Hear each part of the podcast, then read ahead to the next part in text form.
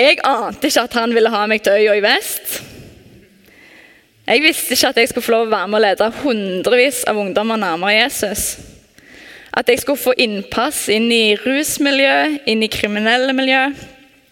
At jeg skulle få lov å sitte rundt middagsbord og drikke kaffe med muslimer.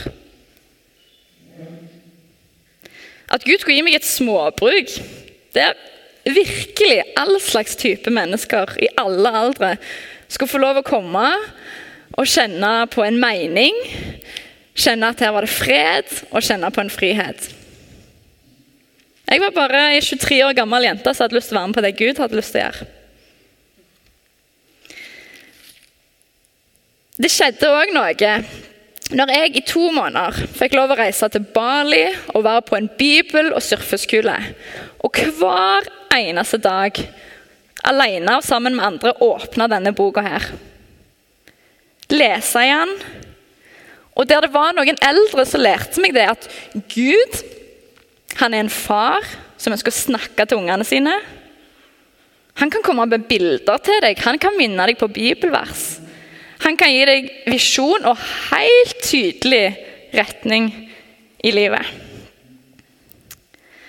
Jeg har hørt at i menigheten her den siste tida så har dere hatt et tema som heter 'Under overflaten'. Hele mennesket i møte med Gud. Og Dere har fått hørt om Josef som tilgir brødrene sine, og hvordan fortida ofte henter oss igjen. Og dere har snakka om og forhåpentligvis begynt å jobbe med. For det er ingenting som er verre enn for oss som står her oppe, eh, hvis det vi står bare blir tomt snakk. Hvis dere har glemt det i morgen. Hvis det er liksom inspirerende og oppmuntrende her og nå, men så skjer det ikke noe mer. For vårt mål når vi sitter og forbereder oss, når jeg går glipp av Frivillighetssentralen for jeg skal stå her i morgen Vårt mål er at vi skal hjelpe hverandre og hjelpe dere til å komme nærmere Gud. Og nærmere Hans hensikt for ditt liv og menneskene rundt oss. Nært og fjernt. Så det betyr at når Oddbjørn har stått her oppe og snakka om vanskelige følelser, om sinne, om frykt, om sorg og om tap og om å gå til Gud med det, så håper jeg at dere virkelig har begynt å gjøre det.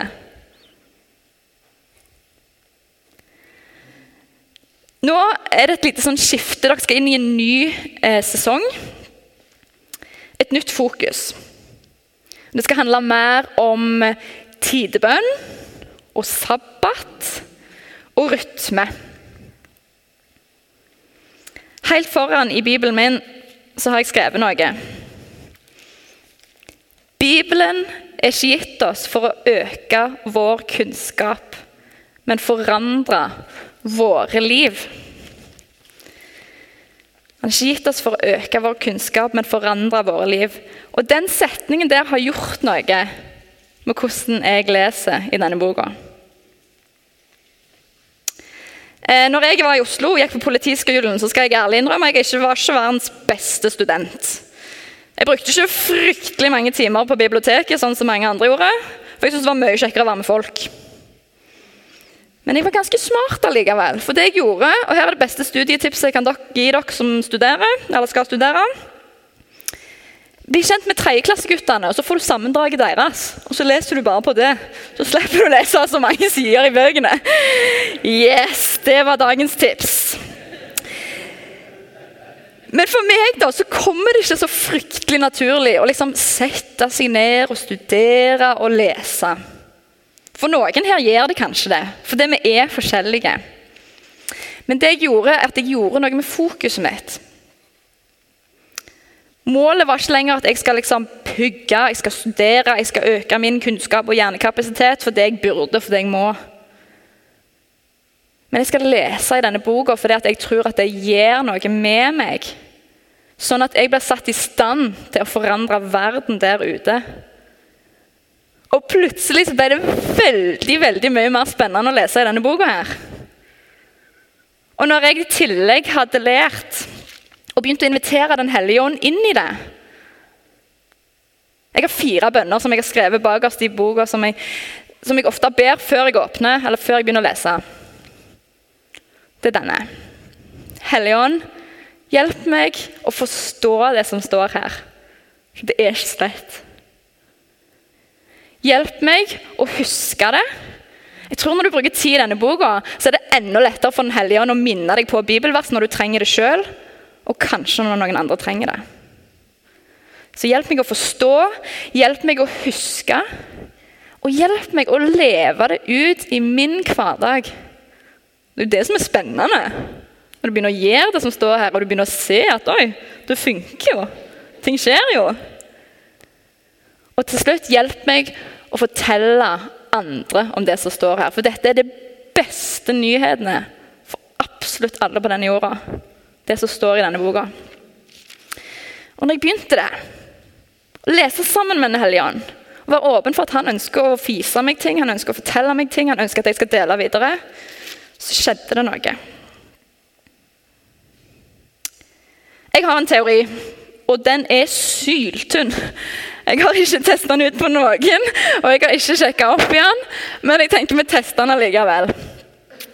Jeg har en teori om at ganske mange av oss som følger Jesus, når vi våkner på morgenen så sender vi gjerne opp en bønn. Ja? Og når vi legger oss om kvelden, så snakker vi kanskje litt med Gud om, om dagen som har vært, og de vi er glad i, og kanskje vi har litt ting vi ligger og grubler og tenker på og ikke klarer å sove. Så har vi en liten sånn samtale med Gud. Stemmer teorien så langt? Liten nikk? Ja. Vi må sjekke litt rundt etterpå om han stemmer. Men ok, jeg tror mange kristne starter, Gud, starter dagen med Gud, og gjerne avslutter dagen med Gud. Men så, folkens, tror jeg det skjer noe drastisk når det kommer til den der tredje gangen. Den der midt på dagen, der en gjerne er mest kanskje travel, men der en faktisk en tredje gang på dagen setter seg ned med Gud, gjerne åpner denne boka, eh, snakker med han, spør han, fokus igjen. Jeg tror tallene synker litt da. Det er i hvert fall en teori jeg har som jeg ikke har testet ut. Men ja. Men nå skal jeg gi dere en annen teori som faktisk er testa ut, som er ganske grundig gått igjennom.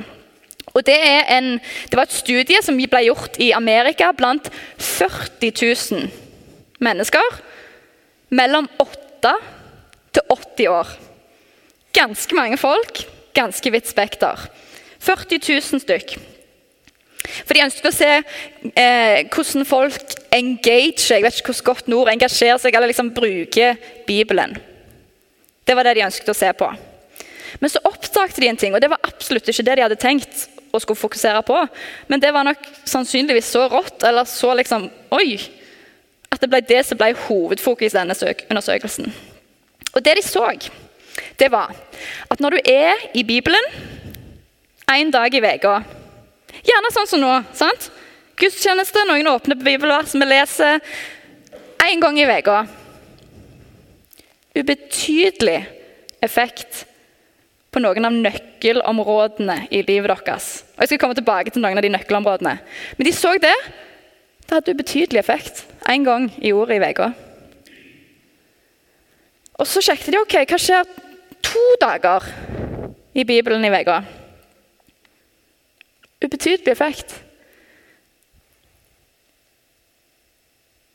Og altså, Ikke arrester meg hvis du er uenig. Dette er bare en undersøkelse tatt i USA for 40 000 mennesker. sant? Hva med tre dager i uka i Bibelen? Jo, da skjedde det noe. Det var liksom et lite sånn hjerterytme. Et eller annet på skalaen som skjedde når en satte seg ned og brukte tid i tre dager i uka. Men ikke så veldig mye. Men det de oppdagte, det var at personer som brukte fire dager i uka i Guds ord, så skjøt det til værs på grafene. En skulle gjerne tenkt at det var litt sånn der én dag, to dag, tre dager, fire dager. Det de fant ut én dag, to dag, tre dager, fire dager. Hør hva de fant ut. Dette er noen av tallene. Følelsen av ensomhet falt 30 når han brukte fire dager i uka i Bibelen. Sinneproblemer 32. Så neste gang foreldrene deres er litt sinte eller kona er litt sur, gi henne Bibelen, så skal du se at det, det hjelper på. Bitterhet det er et ganske heftig ord. Bitterhet i relasjoner, både til ektefelle, til barn, til foreldre. Alle slags typer relasjoner. Det falt 40% Alkoholmisbruk 57% Og hør på denne. Denne tror jeg angår ganske mange av oss. Å føle at du har stagnert åndelig. At det har stoppa opp litt. på en måte. Jeg tror mange av oss lengter etter mer av Gud. Mer synlig i livet vårt. Fire dager i uka i Bibelen. Så falt det 60% å se på porno 61 Dette er noen av de negative på en måte som de så at det skjedde noe positivt.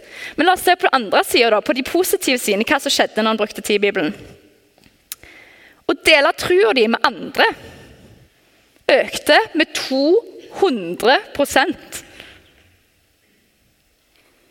Og siste disippelgjøring det siste Jesus sa til disiplene sine Meg er gitt all makt i himmelen og på jord. Gå derfor ut og gjør alle folkeslag til disipler. Døyp de og ler de. Og holde det som jeg har befalt. Og se, jeg er med dere alle dager rundt til verdens ende. Fire dager i Bibelen. Disippelgjøring økte med 230% Jeg vet om en fyr i Bibelen som jeg er helt sikker på må ha lest den undersøkelsen. Og Han heter Daniel.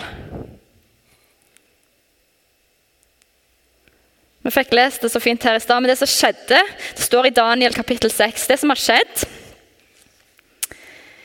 det er at Daniel bruker vanvittig mye tid med Gud.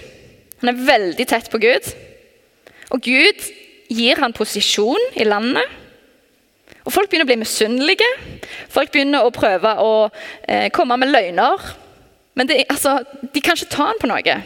Men det de bestemmer seg for, vi går til kongen og så sier vi at du, vi gjør noe kult. I 30 dager skal ikke folk få lov til å be til noen gud utenom til deg, konge. Og kongen bare ja, seff, det er en god idé. Tenk det er 30 dager der alle skal tilbe meg. Men hva gjør Daniel når han hører den beskjeden? Så snart Daniel fikk vite at skrivet var satt opp, gikk han hjem. I takkammeret hadde han åpna vinduet mot Jerusalem. Tre ganger om dagen falt han på kne for sin Gud med bønn og lovprisning. For sånn hadde han alltid gjort. Og De storma inn, disse mennene, og fant Daniel mens han ba og påkalte Gud. Daniel han hadde en sånn rytme med Gud. Tre ganger om dagen står det at han søkte Gud. Og Daniel var nær Gud. Gud snakket til Daniel. Han kunne høre Guds stemme. Jeg tror vi kan òg det.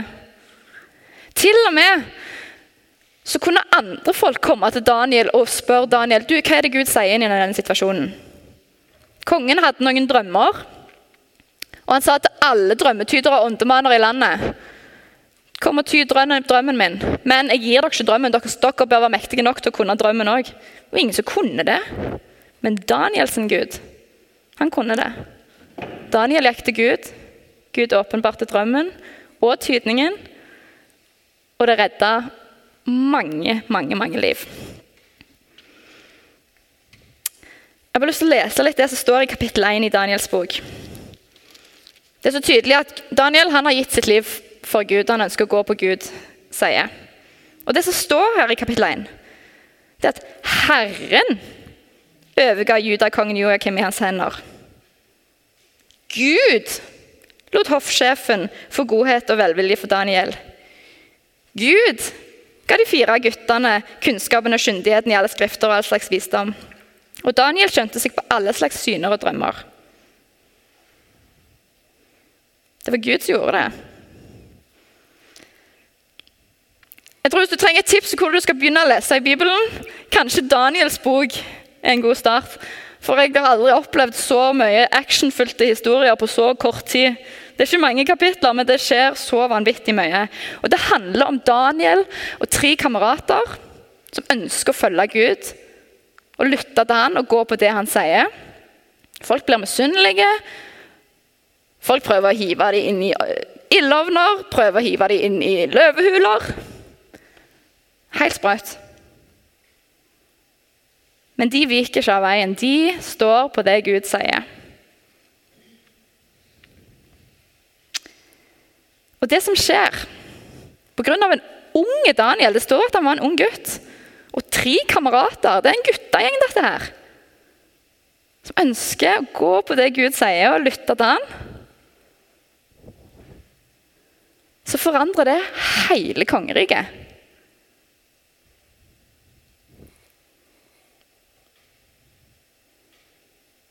kongen sier til slutt Han befaler at alle mennesker i landet skal venne seg til Daniel sin Gud. For Daniel sin Gud, han er den levende Gud, står det. Og det opplever kongen òg. Han er den Gud som berger og som redder. Han gjør tegn og under. Og han blir til evig tid.